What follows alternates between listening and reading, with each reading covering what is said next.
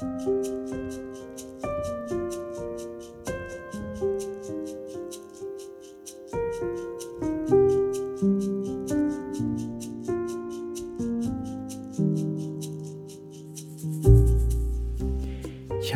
lytter.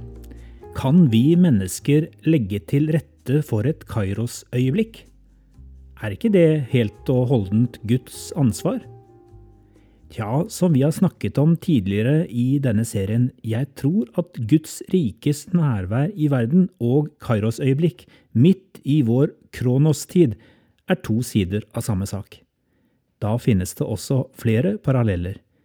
Vi mennesker kan ikke kontrollere eller mane fram Guds rike og Guds nærvær iblant oss. Det kan bare Gud. Men vi kan gjøre oss selv og våre omgivelser forberedt på at Gud kan virke. Vi kan sørge for at både rommet rundt oss og dagen vår er forberedt på at Gud kan handle. Det er derfor vi mennesker f.eks. bygger kirkerom, ikke fordi Gud kan fanges i en kirke, men fordi kirkerommet kan gjøre oss mennesker mer tilgjengelige for Gud. På samme måte har kristne til alle tider satt av tid gjennom dagen til å be og samtale med Gud.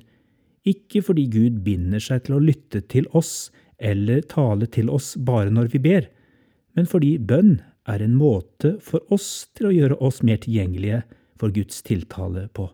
Og da er vi framme ved Kairos. Gud er ikke avhengig av våre bønner for å gi oss et Kairos-øyeblikk. Det kan skje når vi minst av alt er forberedt på det. Kanskje er det sånne helt overraskende Kairos-øyeblikk vi husker best. Den dagen jeg møtte første gang hun som skulle bli min kone, eksempel.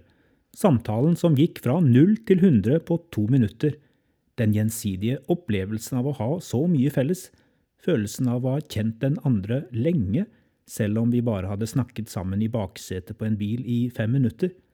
Det var et Kairos-øyeblikk som jeg er helt sikker på at Gud skapte og det var helt overraskende at det skulle skje akkurat da og på et så rart sted.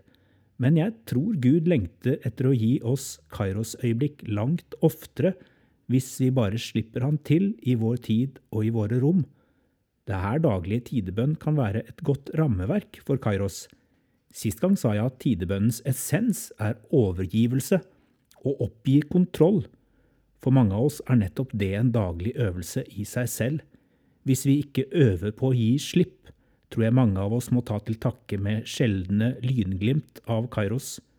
Tidebønn er altså en øvelse i å gi slipp på kontroll over rommet og tidsplanen.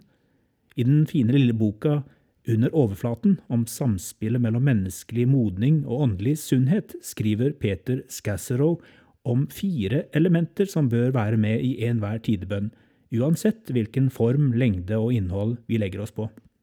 Scazero snakker om å stanse opp, om stillhet, om sentrering og om Bibelen. Jeg liker huskeregler. Hva med fire s-er?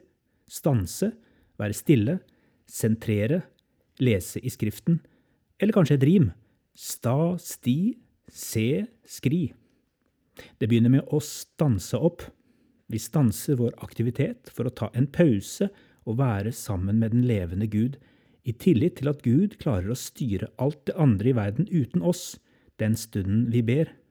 Herre, i dine hender overgir jeg min ånd. Den andre S-en heter stillhet. Det er så mye lyd rundt oss. Først trenger vi stillhet fra alle de ytre lydene og stemmene. Når det blir stille rundt oss, så blir stemmene inni oss høyere. De skal vi kanskje lytte til i stillheten, men etter hvert skal kanskje også de indre stemmene få dempe seg. Undersøkelser i USA viser at en gruppe i gjennomsnitt bare takler 15 sekunders stillhet. Jeg vet ikke om det er like vanskelig for nordmenn, men det er ganske opplagt at dette krever litt øvelse for mange av oss. Når stillheten har hjulpet oss, kan vi få hjelp av den tredje S-en, sentrering, eller det å konsentrere oss. Vår hverdag er preget av multitasking og distraksjoner, Bønn er en hjelp til konsentrasjon. Noen ganger kan vi trenge å bruke noen minutter på å gi slipp på spenninger og stenge ute alt annet, så vi bare kan hvile i Guds kjærlighet.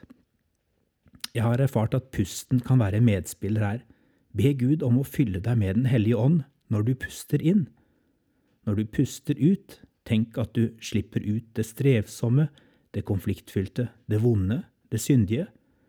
Noen ber den gamle slitesterke Jesusbønnen på inn- og utpust for å finne et sentrum og fokus i bønn. Herre Jesus Kristus, Guds sønn, miskunn deg over meg, en synder. Og i motsetning til mange meditasjonsformer skal vi ikke finne sentrum i tomhet eller i ingenting. Vi skal sentrere oss om Guds ord, Skriften, som er den fjerde S-en. Samenes bok er som sagt grunnlaget for alle moderne tidebønner. Fader vår eller Vår Far hører også med. I tillegg kan utallige planer og verktøy hjelpe oss inn i Skriften. Selv forsøker jeg å lese gjennom Bibelen hvert år. Har jeg ikke rukket å lese alle de tre tekstavsnittene fra Salmene, Det nye testamentet og Gamle testamentet på morgenen, kan de fordeles litt utover dagen når jeg stanser for kortere bønnetider. Du kan selvfølgelig velge å lese mindre eller mer alt etter den livsfase du er i. For meg er variasjon og rytme like viktig. Helst en sambarytme som lever tilsynelatende løst og ledig, og samtidig følger en forutsigbarhet over tid.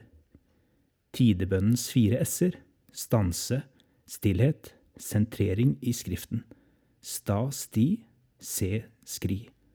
Visste du forresten at det nettopp er laget en norsk app som hjelper deg til å bruke daglige tidebønner etter klassisk mønster? Den heter Tidebønner, enkelt og greit. Appen er laget av stiftelsen Areopagos og kan lastes ned gratis der du finner apper til din smarttelefon.